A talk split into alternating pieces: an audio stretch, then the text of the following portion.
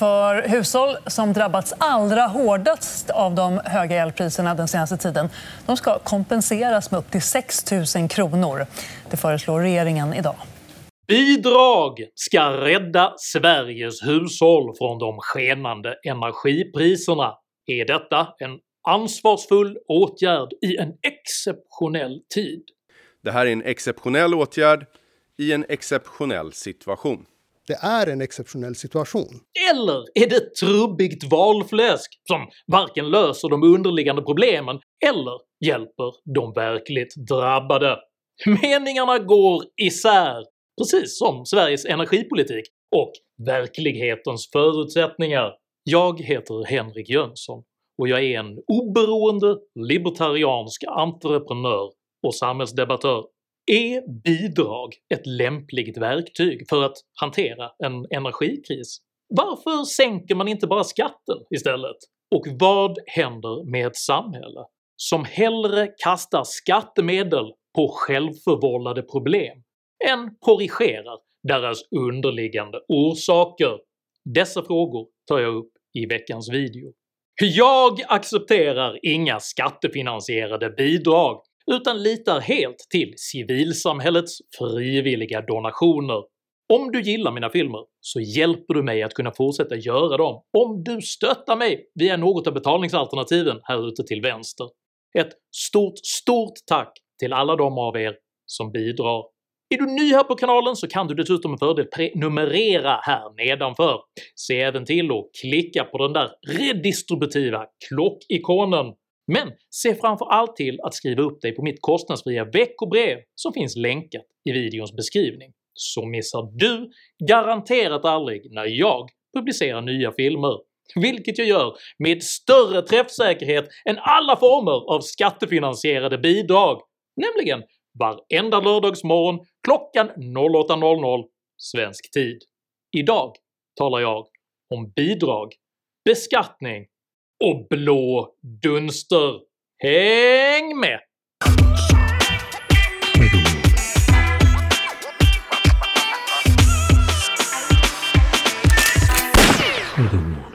Att koka soppa på en spik är namnet på en gammal folksaga som går ut på att en bedragare omärkligt lurar en gumma att själv stå för samtliga ingredienser i den påstått magiska soppa han säger sig kunna koka på bara en spik. Sagan kan tolkas som en allegori över hur en skrupellös manipulatör kan uppförstora sin egen betydelse och samtidigt få andra att göra allt jobbet. Berättelsens lärdom är tidlös och har i allra högsta grad bäring på dagens samhällsklimat där publikfriande politiska löften mycket lättsinnigt finansieras med medborgarnas eget blod, svett och tårar. I förra veckan lanserade exempelvis finansminister Damberg och energiminister Farmanbar ett bidrag för hushåll med höga elräkningar. Totalt 7 miljarder kronor beräknas fördelas över 2 miljoner berörda hushåll.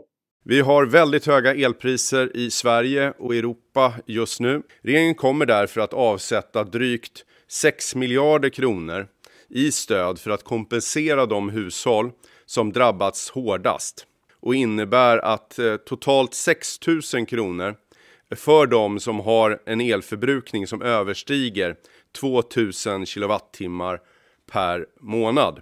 Nu avsätter vi drygt 6 miljarder för att stötta de som drabbats hårdast av de höga elräkningarna. Detta initiativ kan naturligtvis låta både generöst, ansvarstagande och solidariskt, men nämner inte det faktum att svenska staten beräknas tjäna ungefär 10 miljarder kronor på de rådande höga elpriserna i extra skatteintäkter. Den svenska elskatten har nämligen skenat under flera decennier. Under 1970-talet utgjorde elskatten ungefär 10% av det totala elpriset. Under de kommande 10 åren fördubblades denna skatt till 20%. 1990 gjorde Centerpartiet och Folkpartiet i samarbete med Socialdemokraterna även elpriset momspliktigt till en nota på ytterligare 25%. I detta diagram visar den röda linjen skattens utveckling och den blå linjen visar momskostnaden. Sveriges medborgare betalar alltså sedan 30 år tillbaka skatt på skatten på el, vilket gör att staten alltså tjänar mer pengar ju högre elpriset och skatten är. På grund av detta har alltså elskatten ökat explosionsartat och dagens nivå representerar en tredubbling av den totala skatten på el 1990 och det är vi medborgare som betalar priset.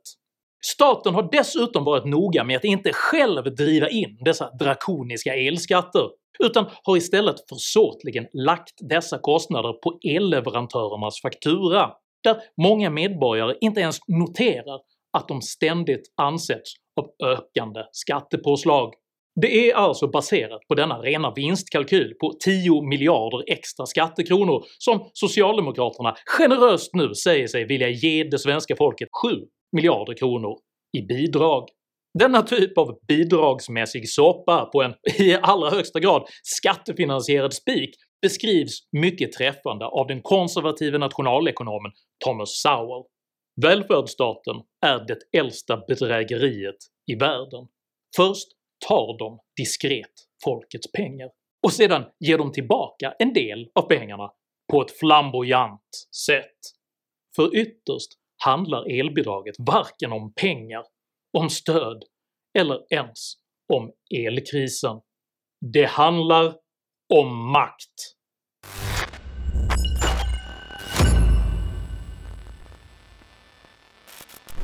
Utöver det faktum att regeringens elbidrag alltså är 3 miljarder kronor mindre än det budgetöverskott som den höga elskatten förväntas dra in, så finns betydande administrativa och strukturella problem rörande hur bidraget ens ska kunna nå de som verkligen behöver det. Först och främst så missgynnar elbidraget fattiga lågförbrukare med dyra avtal eftersom bidraget inte baseras på vad man betalar utan på antalet förbrukade kilowattimmar detta bestraffar exempelvis de som anstränger sig för att hålla sin elförbrukning så låg som möjligt. Det här förslaget främjar de som har gjort av med mycket el, som har höga räkningar. Men de som har sparat, de får inte samma kompensation. Eh, varför lägger ni fram ett sånt förslag? Jag blir faktiskt irriterad. För det, är lite ett slag i ansiktet på de som, eh, som verkligen försöker att hålla nere sin elförbrukning och försöker hitta liksom, ja, vägar för att få det att funka bättre. Faktum är att elbidraget i sin nuvarande utformning riskerar att skapa drivkrafter för att öka sin elkonsumtion så att bidraget ska maximeras snarare än att fungera som en kostnadsrelativ lättnad. Elbidraget gör inte heller någon skillnad på Sveriges elprisområden, trots att priset på samma antal kilowattimmar varierar enormt mellan norr och söder. Faktum är att en elprisjämförelse visar att det missriktade bidraget kommer att ge norrländska elprisområde 1 ett lägre pris än förra året. En genomsnittlig norrländsk villa med 2000 kWh i förbrukning betalade 2020 cirka 2575 kronor i december, en nota som regeringens nya bidrag nu sänker till 1825 kronor dessa norrländska hushåll får alltså en elrabatt på 750 kronor. Just denna situation har föranlett demonstrationer i bland annat Skåne, där folket under parollen “Folket fryser, regeringen myser” påpekar att Skåne under december månad i snitt haft ett tre gånger högre elpris än Norrland, men ändå får samma bidrag. I ljuset av den drakoniska svenska eldubbelbeskattningen framstår istället elbidraget som det möjligen mest socialdemokratiska som finns. Ett elbidrag för att hushållen ska kunna klara att betala elskatten. Den oundvikliga frågan blir således varför är man så ovillig att helt enkelt sänka skatten så att alla elanvändare får en proportionell och automatiskt administrerad kostnadslättnad. Energiminister Förmanbar anförde inför Aftonbladets tittare det halvkvädna påståendet att det är praktiskt omöjligt att ändra skatten. Alltså det är klart att Farman bara har rätt så tillvida att det inte går att färdas tillbaka i tiden för att ändra skatten i det förflutna. Men att försöka slå i folk att retroaktiva skattejusteringar är administrativt omöjliga är faktiskt löjeväckande ohederligt. Energiministerns socialdemokratiska hjärta blöder vidare för den orättvisa det skulle innebära om välbeställda storförbrukare fick ta del av skattelättnaderna. Men det vore så gravt orättvist att göra så. Hade vi sänkt skatten, hade vi haft ett sådant förslag, då hade ju alla de som, som har jättestora hus, har ganska gott ställt och förbrukar väldigt mycket el, de hade fått de absolut största delen av pengarna. Som om det plötsligt var fysiskt, tekniskt och existentiellt omöjligt att implementera exakt samma typ av tak för en skattelättnad som man just föreslagit för bidraget. Den verkliga anledningen till socialdemokratins närmast patologiska motstånd till skattelättnader är lika banalt som cyniskt. Det handlar om makt. Att genom beskattning beröva medborgarna en betydande del av de pengar de själva tjänar innebär nämligen även att man i väsentlig mening fråntar dem förmågan att klara sig själva och istället beroendegör dem av de kollektiva system och åtgärder som staten beslutar om. Att sänka skatten skulle därför innebära att statsmakten återbördade en del av den autonomi man genom gradvisa skatteökningar berövat folket, vilket går stick i stäv med den socialdemokratiska människosynen vilken kräver en stark och fostrande centralmakt. Således föredrar socialister alltid bidrag före skattelättnader eftersom deras egen makt vilar på rätten att kunna kräva in så stora summor som möjligt, eh, så att dessa sedan kan portioneras ut i bidragsform enligt den sociala ingenjörskonst som för tillfället gagnar deras egna politiska mål.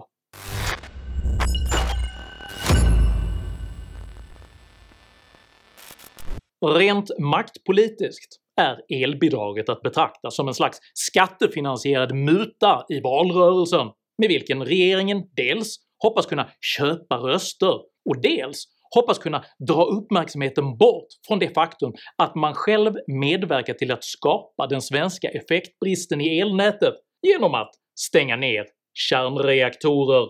Och notera, detta är alltså ingenting som jag har hittat på, eller någon form av högerpopulistisk alarmistisk manipulation, utan någonting som experter har varnat för under många, många år. På grund av detta är alltså regeringen mycket, mycket noggrann med att ständigt flytta uppmärksamheten från det faktum att både Sverige och Tyskland på rent ideologisk grund har avskaffat en kritisk mängd planerbar kärnkraftsel. Den främsta anledningen är stigande priser på fossila bränslen som naturgas. Det är helt enkelt inte okej okay att en ensamstående förälder eller en pensionär får kraftigt höjda elräkningar för att Europa har ett ohållbart naturgasberoende. Därför möjliggör regeringen för ökad produktion, särskilt i södra Sverige, genom att underlätta för havsbaserad vindkraft bland annat. Vid det här laget vet dock de allra flesta att vindkraften är en oplanerbar energikälla som inte kan ersätta kärnkraftens planerbarhet som en del av södra Sveriges basenergi oavsett om den så byggs till havs, på alptoppar eller på Jupiters röda fläck. Det hjälper inte heller att försöka blanda bort korten genom att uppsåtligen försöka förväxla energiproduktion och effektbrist.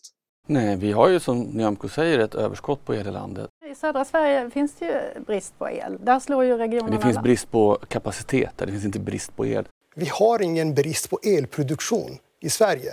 Vi har ett överskott av el just nu i norra Sverige. Vi skulle behöva stärka nätet för att kunna bättre transportera el från norr till söder för mm. att kunna skapa stabiliteten. Kortfattat kan alltså inte ens socialdemokratisk demagogi komma runt det faktum att om man stänger ner produktion så blir det mindre produkt.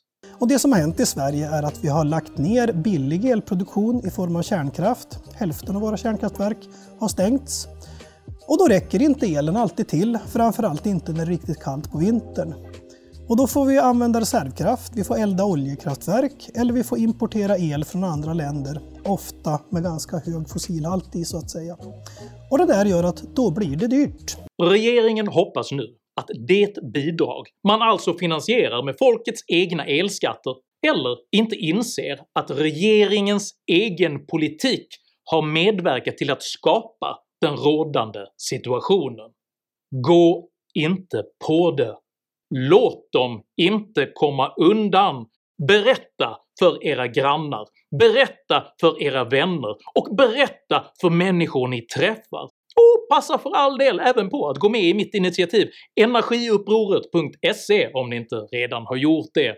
Acceptera inte att socialdemokratin först förstör de råvaror som redan finns och sedan påstår sig kunna koka soppa på en energipolitisk spik, men låter folket ta den verkliga kostnaden. Tycker du det är en bättre idé att sänka skatten än att höja bidragen så att hederligt folk helt enkelt får större makt över sina egna liv? I så fall tycker jag att du ska dela den här videon med dina vänner.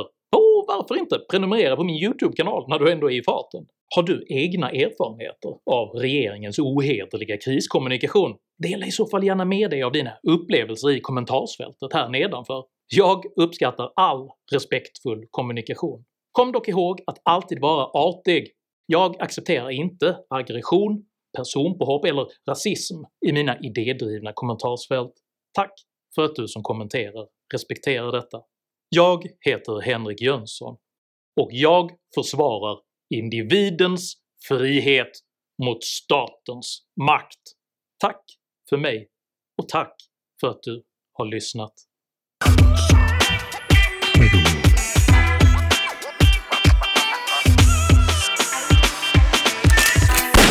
evermore.